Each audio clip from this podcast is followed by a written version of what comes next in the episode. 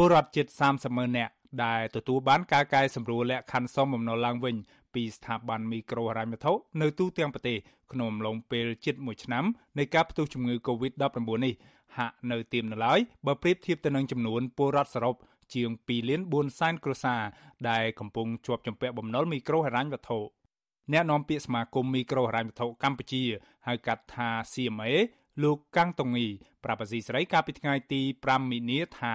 ស្ថាប័នមីក្រូហិរញ្ញវត្ថុនៅទូទាំងប្រទេសសរុបជាង100ស្ថាប័នបានរៀបចំកែសម្រួលឥណទានឡើងវិញដល់ពលរដ្ឋសរុបជិត30ម៉ឺននាក់នៅក្នុងតម្លៃគិតជាទឹកប្រាក់ប្រមាណជាង1400លានដុល្លារលោកថាស្ថាប័នមីក្រូហិរញ្ញវត្ថុនឹងបន្តរៀបចំកែសម្រួលឥណទានឡើងវិញ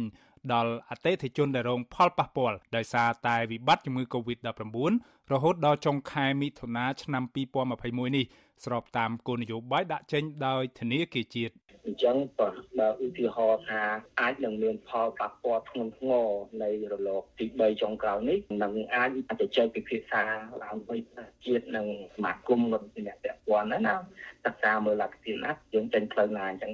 ដើម្បីដោះស្រាយជូនប្រជាជនប៉ុន្តែគិតខែនេះគឺមិនទាន់មានអីថ្មីទេគឺគោលនយោបាយនេះយើងនឹងបន្តទៅខែ6ពាក់កណ្ដាលឆ្នាំ2021នេះលោកកាំងតុងីពន្យល់ថាភាគច្រើននៃការកែសម្រួលអន្តទានឡើងវិញដល់ពលរដ្ឋជិត30ម៉ឺននាក់នេះគឺជាការអនុញ្ញាតឲ្យបង់តការប្រាក់ឬដើមក្នុងរយៈពេលពី3ទៅ6ខែ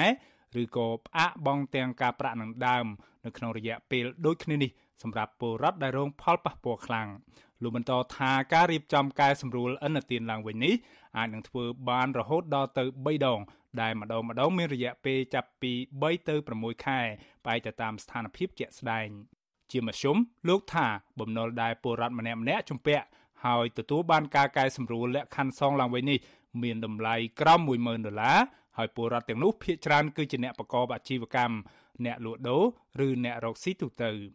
អ្នកនាំពាក្យសមាគមមីក្រូហិរញ្ញវត្ថុកម្ពុជារូបនេះអះអាងថាក្នុងរយៈពេលជិត1ឆ្នាំមកនេះពុំមានករណីរឹបអូសយកទ្រព្យបញ្ចាំឬដីធ្លី ផ្ទះសម្បែងរបស់ពលរដ្ឋដោយស្ថាប័នមីក្រូហិរញ្ញវត្ថុនោះឡើយឆ្នាំ2020រហូតដល់20 2021នេះសមាគមគឺតាមដានការអនុវត្តរបស់សមាជិកទាំង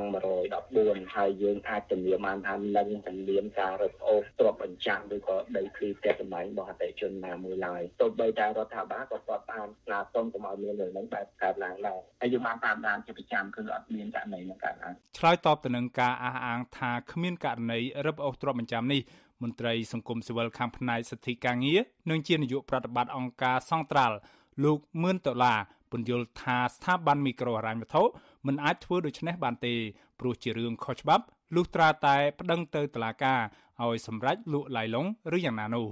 អ្វីដែលធ្វើកន្លងមកហ្នឹងដែល យើងបានដឹងហ្នឹងគឺគេមិនរឹបអូសទ្រព្យប្រចាំទេក៏ប៉ុន្តែគេសម្លឹងមើលទ្រព្យណាដែលគាត់មានដែលអាចលក់បានឧទាហរណ៍ថាឥឡូវទ្រព្យប្រចាំរបស់គាត់គឺដីផ្ទះប៉ុន្តែនៅពេលដែលគាត់មិនអាចមានលទ្ធភាពសងហ្នឹងគឺគេច្រើនតែដាក់សម្ពាធគាត់ឲ្យគាត់លក់ដីស្រែវិញឬក៏លក់អូតូលក់អីចឹងទៅលក់ទ្រព្យណាដែលមិនមែនជាទ្រព្យប្រចាំហ្នឹងហើយធម្មតាកាលណាទៅជក់ចេញគាត់ទៅសម្លុតគាត់ផងអីផងហើយធ្វើឲ្យ គាត់ខ្មាស់គេខ្វះអីទៅគាត់ទៅបខំចិត្តលក់ទ្រព្យទាំងអស់នោះហើយទ្រព្យដើម្បីសងបំណុលទៅគ្រឹះស្ថានមីក្រូរ៉ាច់ទៅអីណាចាប់តាំងពីមានការផ្ទុះជំងឺរាតត្បាតសកល COVID-19 ធនាគារជាតិនៃកម្ពុជា កាលពីខែមីនាឆ្នាំ2020បានដាក់ចេញនូវគោលនយោបាយស្នើដល់គ្រឹះស្ថានហិរញ្ញវត្ថុឲ្យរៀបចំកែសម្រួលអន្តទានឡើងវិញដល់ពលរដ្ឋដែលរងផលប៉ះពាល់ខ្លាំងបំផុតនៅក្នុងវិស័យអាទិភាពចំនួន4ដែលក្នុងនោះរួមមានវិស័យទេសចរ កាត់ដេរសំណង់និងដឹកជញ្ជូនជាដើមគោលនយោបាយនេះនឹងត្រូវផុតសុពលភាពនៅដំណាច់ខែមិថុនាខាងមុខនេះអាស៊ីស្រីមិនទាន់អាចតាក់ទងអគ្គនាយកបច្ចេកទេសនៃធនាគារជាតិនៃកម្ពុជា អ្នកស្រីជាសេរីដើម្បីសូមអធិប្បាយជុំវិញបញ្ហានេះបាននៅឡើយទេ កាលពីថ្ងៃទី5ខែមីនាយ៉ាងណាលោកមឿនដុល្លារស្នើថាធនាគារជាតិគួរតែបន្តការអនុវត្តគោលនយោបាយនេះដោយបន្ធូរបន្ថយលក្ខខណ្ឌដល់ពលរដ្ឋ ដែលជំពាក់បំណុលមីក្រូហិរញ្ញវត្ថុឲ្យបានយូរជាងនេះទៀតស្របពេលដែលកម្ពុជា កំពុងជួបប្រទះនឹងការផ្ទុះជំងឺ Covid-19 ចូលក្នុងសហគមន៍ហើយស្ថានភាពចំណូលរបស់ពលរដ្ឋនៅក្នុងវិស័យទេសចរសន្តាគារនិងវិស័យកាត់ដេរនៅមិនទាន់មានភាពប្រសើរឡើងវិញនៅឡើយ ខ្ញុំគិតថារដ្ឋាភិបាលជាពិសេសធនាគារជាតិគួរតែបន្តនៅគោលនយោបាយក្នុងការអនុគ្រោះប្រជាពលរដ្ឋដែលជាគោលបំណុលហ្នឹងបទូបថយឬមួយក៏ពន្យាពេលនៃការសងអីចឹងទៅហើយការគោលនយោបាយការរៀបចំអនុទានឡើងវិញនេះខ្ញុំគិតថាគួរតែធ្វើកុំឲ្យគាត់មានបន្ទុកខ្លាំងពេកបើសិនជាធ្វើ refinancing ណា បើធ្វើអនុទានឡើងវិញនេះគឺ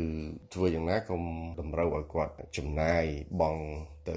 គ្រឹះស្ថានមីក្រូប្រាញ់ធុវិញឬក៏ធនាគារវិញលើសពី20%នៃចំណូលរបស់គាត់បើសិនជាគាត់បង់លើសពី20%នៃចំណូលរបស់គាត់ហើយគាត់អត់អាចមានលុយទៅមានថវិកាអីទៅរ៉ាប់រងនៅចំណាយប្រចាំថ្ងៃរបស់គាត់ទេព្រោះជាក់ស្ដែងយើងឃើញការឆ្លើយតបរបស់រដ្ឋក៏នៅមានភាពទន់នៅឡើយទេ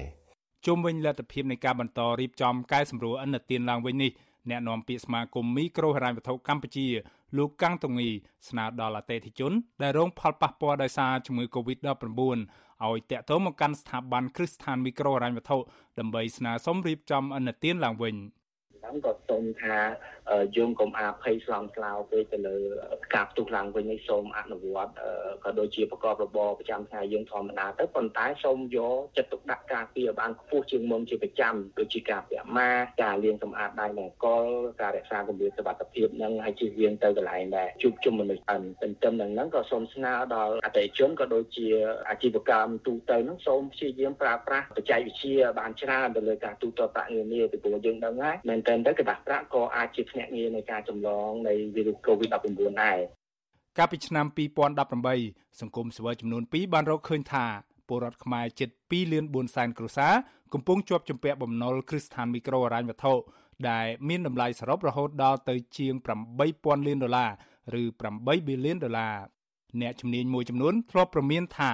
កម្ពុជានឹងជួបនៅវិបត្តិអស្ថិរភាពនិងបញ្ហាសេដ្ឋកិច្ចធ្ងន់ធ្ងរប្រសិនបើរដ្ឋាភិបាលមិនព្រមអន្តរាគមន៍ហើយនៅតែបណ្ដេតបណ្ដោយឲ្យពលរដ្ឋរបស់ខ្លួនកាន់តែច្រើនឡើងច្រើនឡើងជាប់ជំពាក់បំណុលមីក្រូហិរញ្ញវត្ថុខណៈពួកគេគ្មានសមត្ថភាពសងបំណុលវិញខ្ញុំបាទមានរិទ្ធអាស៊ីសេរីរាយការណ៍ពីរដ្ឋធានី Washington